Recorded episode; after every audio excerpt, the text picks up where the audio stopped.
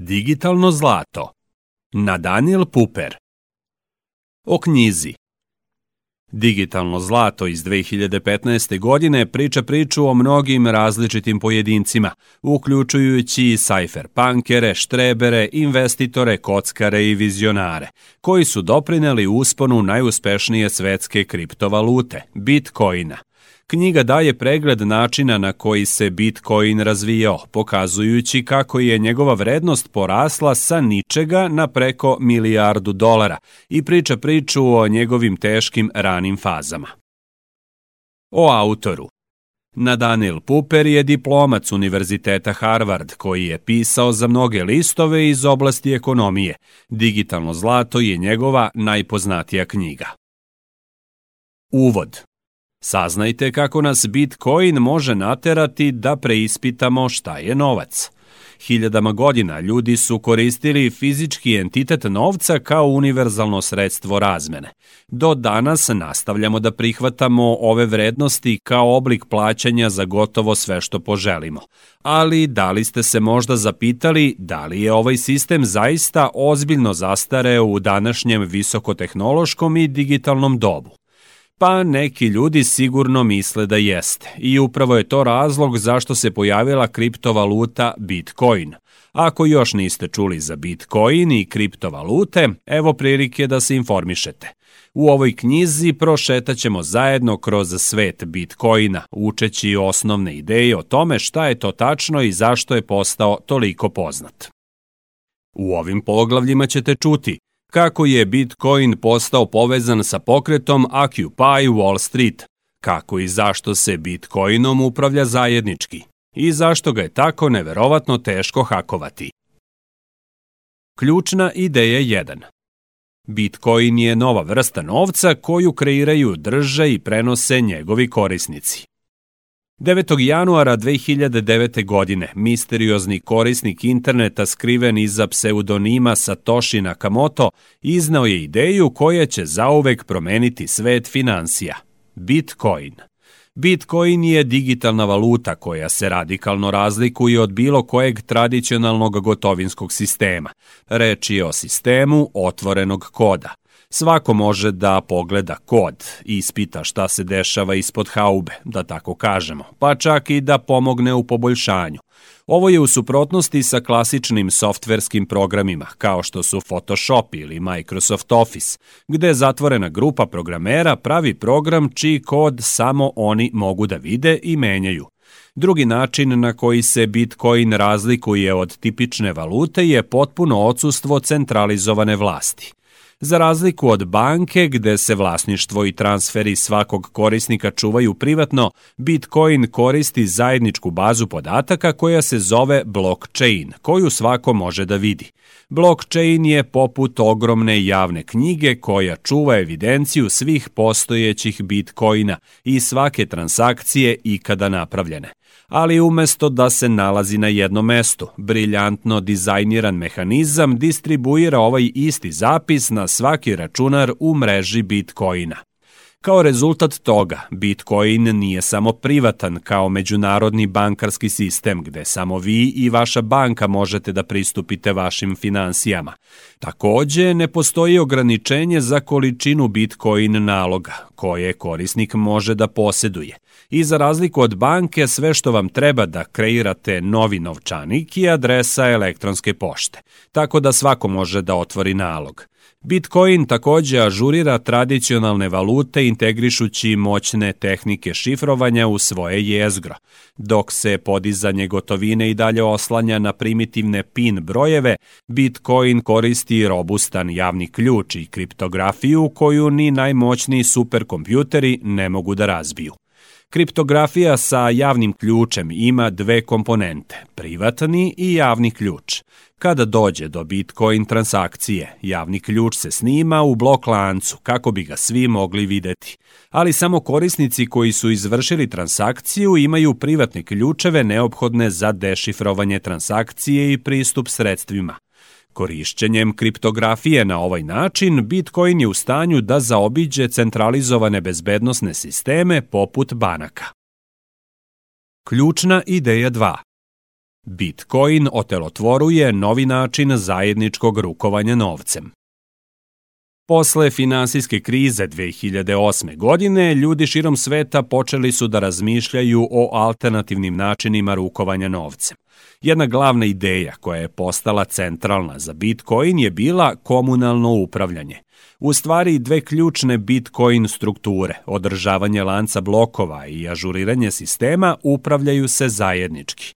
Blockchain se stalno ažurira novim transakcijama u obliku blokova. Blokovi se formiraju svakih 10 minuta na način koji osigurava da svi završe sa istim blockchainom, bez obzira gde se nalaze u svetu. Ovo je ključni korak jer blockchain beleži koje su se transakcije dogodile i ko posjeduje koje bitcoine. Kreiranjem zajedničkog zapisa sistema, Bitcoin se štiti od hakera koji bi pokušali da ubace lažne informacije i stvore novac ni iz čega. Isti mehanizam komunalnog upravljanja se takođe koristi za ažuriranje celog sistema. Da bi promenili Bitcoin protokol, većina njegovih korisnika mora da odobri predloženu modifikaciju makoliko neznatna bila. To znači da ni jedan pojedinac ne može da manipuliše protokolom u svoju korist, a promene se dešavaju tek nakon dugih diskusija na Bitcoin forumima. To ne znači da je Bitcoin nepobediv. Ako bi haker uspeo da kontroliše 51% cele mreže, što je malo verovatno, posebno jer sve više ljudi koristi sistem, mogao bi da promeni protokol kako želi i preuzme kontrolu nad blockchainom ali čak i tada ne bi mogli da potroše tuđe bitcoine. Enkripcija je toliko jaka da bi haker mogao samo da poništi transakcije i blokira druge ljude da ih sami sprovode. Ključna ideja 3 Prvi porast popularnosti Bitcoina došao je od trgovine drogom na crnoj web stranici Silk Road. Svi smo čuli za skrivena crna tržišta u svetu, gde sumnjivi dileri prodaju sve vrste ilegalne robe. Ali da li ste znali da postoji paralelno crno tržište na internetu? Skriveno je duboko u darknetu, to jest u delu interneta koji je dostupan samo pomoću softvera za anonimizaciju kao što je TOR koji se masovno koristio za prodaju i naplatu droge i lekova takozvanog puta svile. Bitcoin je bio savršena dopuna anonimnosti, puta svile. Prodavci su bili srećni što se Bitcoin transferi ne mogu poništiti, a kupci su se osjećali sigurnije kada kupuju lekove bez potrebe da obavljaju transakciju licem u lice. U stvari, Bitcoin se pokazao toliko korisnim za profitabilno crno tržište puta svile da je put svile postao glavni izvor svih Bitcoin transfera. Kako je put svile rastao, tako su rasle i vrednosti i popularnost Bitcoina. U februaru 2011. godine, kada je rođen put svile, jedan Bitcoin je vredeo oko 1 dolar. Sredinom maja iste godine već je vredeo oko 10 dolara i do juna 2011. nakon što je jedan senator pozvao da se Bitcoin eliminiše opisujući ga kao oblik pranja novca na mreži, njegova vrednost je porasla na 30 dolara u roku od dva dana. Zahvaljujući Bitcoinu, put svile je prerastao u libertarijanski san, visoko organizovano tržište koje je bilo samoregulisano, anonimno, decentralizovano i van kontrole vlade. Do marta 2011. godine Put Svile je imao 10.000 registrovanih korisnika koji su dnevno kupovali proizvode u vrednosti od 35.000 dolara od prodavaca iz najmanje 11 zemalja sveta. Na forumima bezbednostni moderatori su objasnili sve detalje o bezbednosti Bitcoina, a lekari su savetovali kako najbolje da konzumirate svaki lek. Put svile završio se u septembru 2013. godine, kada je njegov vlasnik Ross Ulbricht podelio bitne informacije sa tajnim agentom FBI.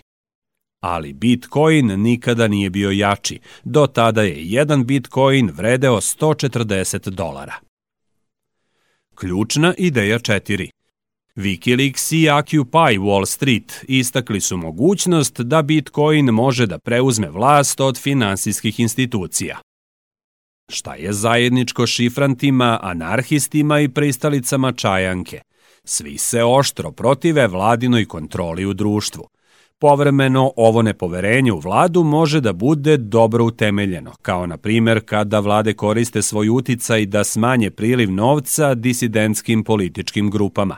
Uzmimo slučaj Wikileaksa. U septembru 2011. godine Wikileaks je objavio najveći skup poverljivih dokumenata ikada objavljenih u javnosti. 250.000 diplomatskih pisama upućenih američkom State Departmentu iz celog sveta, koji sadrže stroge poverljive procene drugih zemalja i njihovih diplomata.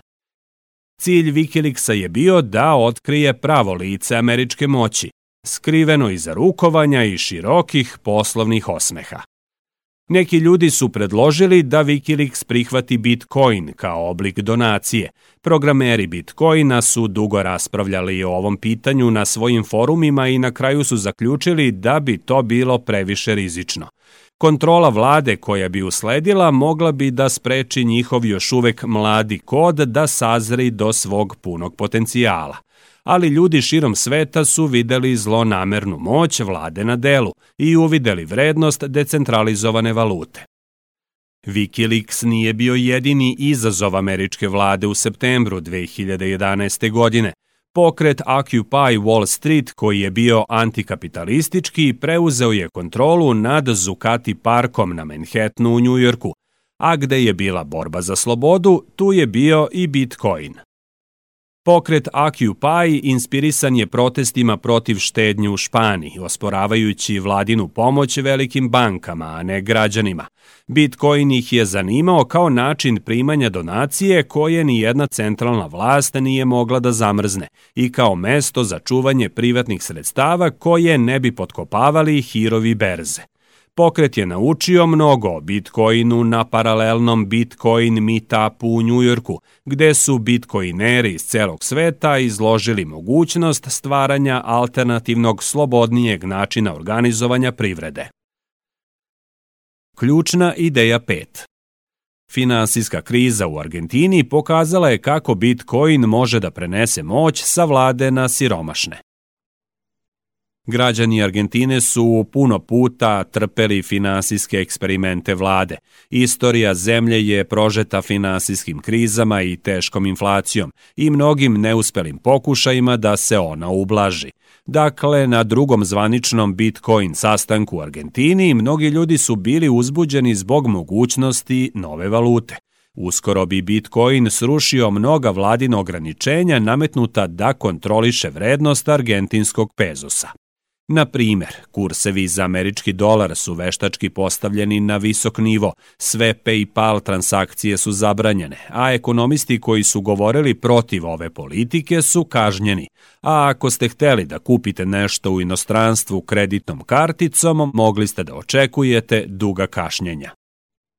Organizatori Bitcoin skupa su to sami iskusili. Ako su hteli recimo nešto da prodaju za 100 dolara putem kreditne kartice, dobili bi 595 pezosa i transakcija bi trajala 14 dana, ali ako bi koristili Bitcoin, mogli bi da dobiju 920 pezosa za samo 2 dana. Bitcoin je takođe postao način zaštite sredstava od uplitanja vlade. Ljudi u Argentini obično drže svoj novac u gotovini, jer je, kao i u mnogim zemljama u razvoju, otvaranje bankovnog računa bilo teško, a dobijanje kreditne kartice još teže ali Argentinci su postali duboko nepoverljivi u vladino upravljanje valutama, jer su videli da je njihov novac postao bezvredan zbog velike inflacije u više navrata u prošlosti. Dakle, kada je Bitcoin stigao, videli su ga kao sigurno stabilno mesto za čuvanje svog novca, iako nisu mogli da ga potroše direktno u Argentini. U stvari, od početka 2013. godine argentinski pezos je pao za dodatnih 25% u odnosu na američki dolar, dok je Bitcoin porastao za neverovatnih 860%. Ključna ideja 6. Protokol Bitcoina ima mnogo prednosti u odnosu na tipične valute, posebno kod skladištenja i prenosa novca. Na isti način na koji je internet oslobodio informacije i komunikaciju od poštanskih usluga i velikih medijskih korporacija, neki veruju da će Bitcoin osloboditi novac od ograničenja koje nameću banke. I možda su u pravu. Jedna od glavnih prednosti koje Bitcoin ima u odnosu na banke je njegova sposobnost trenutnog transfera novca. Živimo u svetu u kome je normalno prenositi gigabajte preko interneta za nekoliko minuta ili da pozovete prijatelja na drugi kraj sveta i to u HD formatu. Sa druge strane, bankovni transfer i dalje traje više dana. Ovaj anahroni aranžman došao je u oštar fokus tokom finansijske krize. Velika banka JP Morgan Chase bila je na tački kolapsa i hitno su joj bila potrebna sredstva iz banke u Japanu. Međutim, situacija je nastala tokom vikenda i sledeći ponedeljak je bio praznik. Da bi spasili banku, bili su primorani da napišu papirni ček od 9 milijardi dolara i pošalju ga poštom. Sa Bitcoinom to bi se merilo u milisekundama. Takođe, Bitcoin pobeđuje banke i na druge načine. Njegova digitalna priroda ga čini savršeno prelagođenim novoj ekonomiji interneta. Univerzalnost Bitcoina omogućava novcu da prelazi granice bez naknada za inostrane transakcije. A pošto se digitalna valuta lako može podeliti na veoma male iznose, onda online usluge nisu skupe na primjer 0,01 cent za čitanje jedne stranice knjige ili 0,02 centa za davanje oglasa. Ali Bitcoin ne samo da transformiše svet financija, njegova jedinstvena struktura ima i mnoge druge primene. Razmotrite jezgro Bitcoina, blockchain protokol kao primer. Njegov moćni sistem verifikacije omogućava ljudima da izgrade poverenje u raznim okolnostima. Pošto svako može da vidi blockchain i niko ne može da ga modifikuje, ovaj koncept može da zameni tradicionalne pravne sisteme poverenja, kao kada je nekome potreban svedok za potpisivanje ugovora ili testamenta. U prošlosti je morao biti prisutan službenik poput notara ili advokata, ali sa javnim blockchainom svi mogu da vide da ugovor zaista postoji. Bitcoin ima moć da suštinski poremeti način na koji koristimo novac, ali najzanimljivije upotrebe Bitcoina tek treba da budu otkrivene. Završni rezime. Ključna poruka u ovoj knjizi. Bitcoin je virtualna valuta koju kreiraju i kontrolišu njeni korisnici. Svojom kriptografijom i decentralizovanom organizacijom koja se ne može probiti, Bitcoin suštinski ograničava moć vlada i banaka i omogućava pojedincima da anonimno, bezbedno i brzo prenose novac širom sveta. Doba kriptovalute daje pregled istorije i prirode Bitcoina, istražuje definiciju novca i objašnjava dramatične uticaje koje će kriptovalute poput Bitcoina imati na našu ekonomiju i svet u celini. Hvala što nas slušate.